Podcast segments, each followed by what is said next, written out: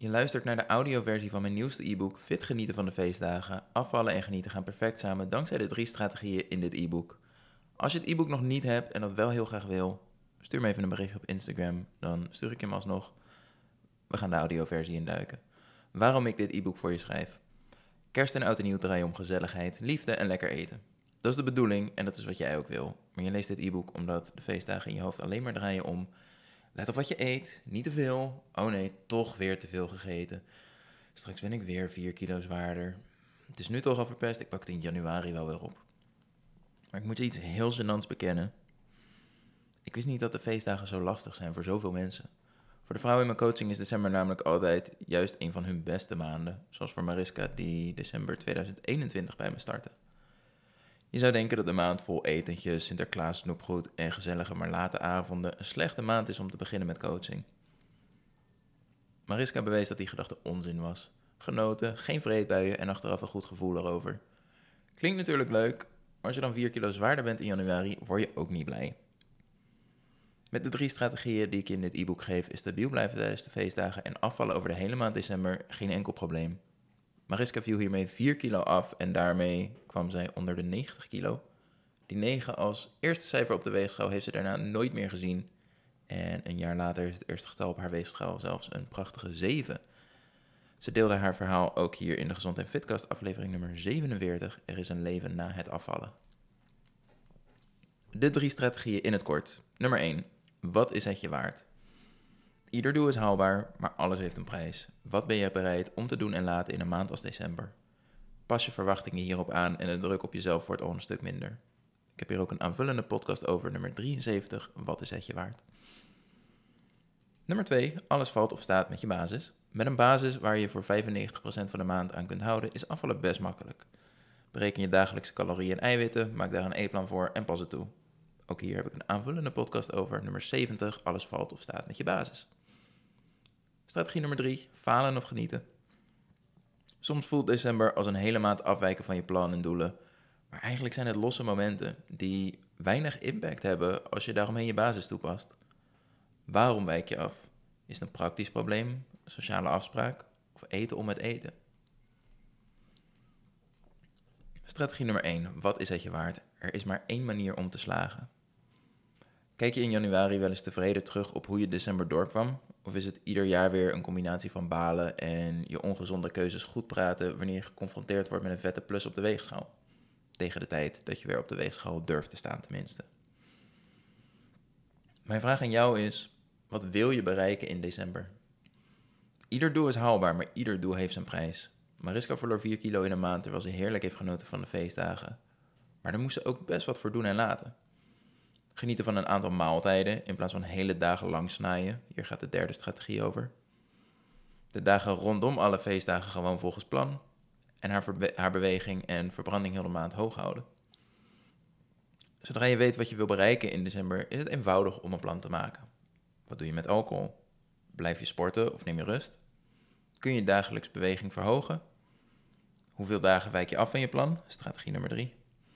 Wijk je een aantal maaltijden af en hou je de rest van de dag wel aan je plan of steek je van kerst tot oud en nieuw je kop gewoon in het zand? Ik sluit het hoofdstuk af met een voorbeeld wat de vrouwen in mijn coaching altijd rust geeft als ze afwijken van hun plan. Daarna ga ik je helpen om jouw plan te maken natuurlijk. Je begrijpt dat calorieën leidend zijn om af te vallen. Meer verbruiken dan dat je consumeert zorgt ervoor dat je afvalt. Val je niet af, dan weet je dat je nog iets te verbeteren hebt daarin. Laten we Mariska als voorbeeld houden. Op basis van haar leefstijlanalyse, de intake voorafgaand aan de kick-off sessie van mijn 1 op 1 coachingstraject, schat ik haar verbranding op 2400 calorieën. Dat is hoog, maar dat is de realiteit voor haar. Als zij dus gemiddeld over heel december op 2400 calorieën per dag eet, blijft haar gewicht gelijk. We maakten een plan van gemiddeld 1900 calorieën. Ze heeft vijf dagen in december waarop ze van dat calorieëndoel afwijkt. Maar dat betekent alleen Sinterklaasavond en overdag gewoon volgens plan. Kerstontbijt en avondeten, maar wel normaal lunchen. We schatten dat die dagen 2400 calorieën worden. De een zal iets hoger zijn dan de ander, maar dat is oké. Dat betekent dat er 26 dagen op 1900 calorieën zijn en 5 op 2400. Dat geeft daar een tekort van bijna 500 calorieën per dag, wat gelijk staat aan ongeveer 2 kilo vetmassa verbrand in de hele maand. Nu zie je op de weegschaal niet hoeveel vetmassa je verliest. Nee, jouw dure weegschaal kan het ook niet nauwkeurig laten zien. Je ziet je totale gewicht. Of je faalt of slaagt deze maand wordt bepaald door jouw doelen en verwachtingen. Wil je 4 kilo verliezen in een maand, maar heb je geen plan of stok achter de deur om je aan je plan te houden? Kleine kans dat dat gaat werken. Maak een beslissing over je doel voor december en neem het mee naar strategie 2. Gratis bonus, ik nam een gelijknamige podcast op. Nummer 73, wat is het je waard? Met daarin meer voorbeelden om je hierbij te helpen. Strategie nummer 2. Alles valt of staat met je basis. Zonder plan ben je hopeloos. Sophie heeft in november haar coachingstraject afgerond. En tijdens de laatste coaching sessie, coaching sessie moesten we lachen om hoe ze vroeger haar afvalpogingen aanpakte. Dan stelde ik als doel om in vijf maanden 20 kilo af te vallen voor een vakantie of feestje. Maar vervolgens veranderde ik helemaal niets aan mijn keuzes en gewoontes en baalde ik alleen maar dat het niet was gelukt. Na mijn coachingstraject van 20 weken weet ze tegenwoordig gelukkig wel beter. Daarin hebben we een plan gemaakt waarmee ze steeds in periodes van 20 weken afvalt net zo vaak tot ze haar streefgewicht bereikt heeft. Want zonder plan doe je maar wat. Alsof je de auto instapt en gaat rijden in de hoop dat je ooit bij toeval op je bestemming aankomt. Neem twee minuten om je route uit te zoeken of je navigatie in te stellen. En het maakt je reis een stuk korter en relaxter. Maar veel vrouwen plannen hun route dan in alsof ze Formule 1 racers zijn. Alles wordt omgegooid en moet perfect gaan. Al hun eten bijhouden in een app. Calorieën doen van 1200 calorieën. Alles tot op de gram afwegen. Wegen. Geen bewerkte producten meer. Koolhydraten worden vermeden. En dan balen ze van zichzelf als dat na twee weken al mislukt. Maar ik heb fantastisch nieuws voor je. Een goede basis is veel eenvoudiger dan dat. Je focust op twee punten en al het andere mag je voorlopig vergeten. Dat begint met je calorieëndoel. Hieronder vind je de, mijn link om je dagelijkse calorieëndoel te berekenen. Overschat daar je dagelijkse beweging als je twijfelt. Dan kun je het na twee weken altijd nog aanpassen als je niet afvalt. Vervolgens krijg je een marge van bijvoorbeeld 1800 tot 2000 calorieën per dag. De link om je calorieëndoel te berekenen staat in de beschrijving van de podcast. Als je dat hebt gedaan, heb je nog één ding nodig: je eiwitdoel. Eiwitten zijn essentieel voor verzadiging en vetverbranding. Voorbeeld: Eva Eiwit en Ilse Ik Doe Maar Wat verliezen allebei 10 kilo. Eva Eiwit verloor 9 kilo vet en vocht en 1 kilo spiermassa. Ilse verloor 6 kilo vet en vocht en 4 kilo spiermassa. Spiermassa verliezen betekent een lagere verbranding, minder kracht en alles gaat meer hangen. Precies wat je niet wil dus. Hoeveel eiwitten je nodig hebt om te beginnen is eenvoudig. Neem wat voor jou een gezond gewicht is en eh, vermenigvuldig dat met 1,2. BMI is hier een prima schatting voor een gezond gewicht. Dit kun je later verder verhogen tot wel twee keer je ideale gewicht. Dus weeg jij, of is jouw ideale gewicht 70 kilo, maal 1,2, 84 gram eiwitten per dag. Calorieëndoel en eiwitten berekend, dan is het tijd om je basis in te plannen. Twee, drie vaste opties voor ontbijt, lunch en eventuele tussendoortjes. Plus wat makkelijke opties voor het avondeten, waar je op kunt terugvallen als je weinig tijd of energie hebt om te koken. Met een calorieëndoel van 1800 tot 2000 calorieën maak je een plan voor 1800 calorieën. Zo heb je wat speling voor als je een keer iets meer eet of wil afwijken. Bijvoorbeeld een ontbijt van 400, lunch van 600, een tussendoortje van 200 en het avondeten van 600. Gratis bonus, ik nam een gelijknamige podcast voor je op, aflevering nummer 70. Alles valt of staat met je basis met daarin meer voorbeelden om je hierbij te helpen. Strategie nummer drie, misschien wel de belangrijkste. Falen of genieten, hier gaat het altijd mis. Strategie 2 is je basis in voeding. Goed genoeg om mee af te vallen, makkelijk en fijn genoeg dat er weinig, weinig reden is om het niet te volgen of niet vol te houden.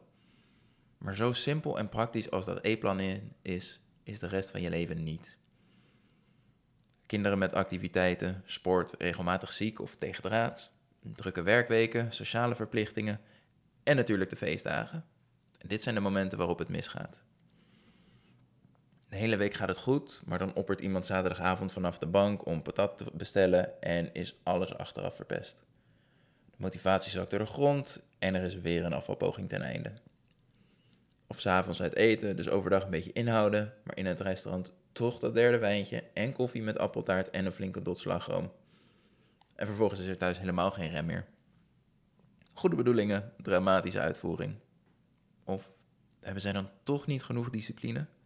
Willen ze het niet graag genoeg? Onzin. Ik zie twee dingen gebeuren. Eén, er is nooit nagedacht over hoe ze omgaan met al deze situaties, die we echt geen uitzonderingen kunnen noemen. Daarvoor komen ze veel te vaak voor.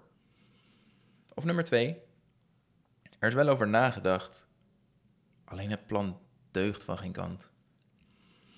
Dat kan zijn omdat er bijvoorbeeld qua eten wordt gecompenseerd, maar kan ook volledig met de mindset te maken hebben. Een gebrek aan kennis en ervaring, waardoor ze denken dat er echt iets verpest is door één dag wat meer te eten. Hoe ging je in het verleden om met een verjaardag of een etentje? Ben je tevreden over die aanpak en werkt het op de korte en lange termijn? Of moet er toch iets veranderen? Dan at ik overdag helemaal niets, zodat ik zeker wist dat ik niet te veel had gegeten over de hele dag, ondanks het etentje. Maar vaak kon ik het dan s'avonds toch niet laten om te gaan snoepen. Veel snoepen. Vijf keer afwijken van je plan is geen probleem om af te vallen. Tien keer afwijken kan ook, als je volgens strategie 1 je verwachtingen erop aanpast. Want besef, 300 dagen in een jaar volgens je plan en 65 dagen afwijken, zou je hetzelfde resultaat geven als het voorbeeld van Mariska.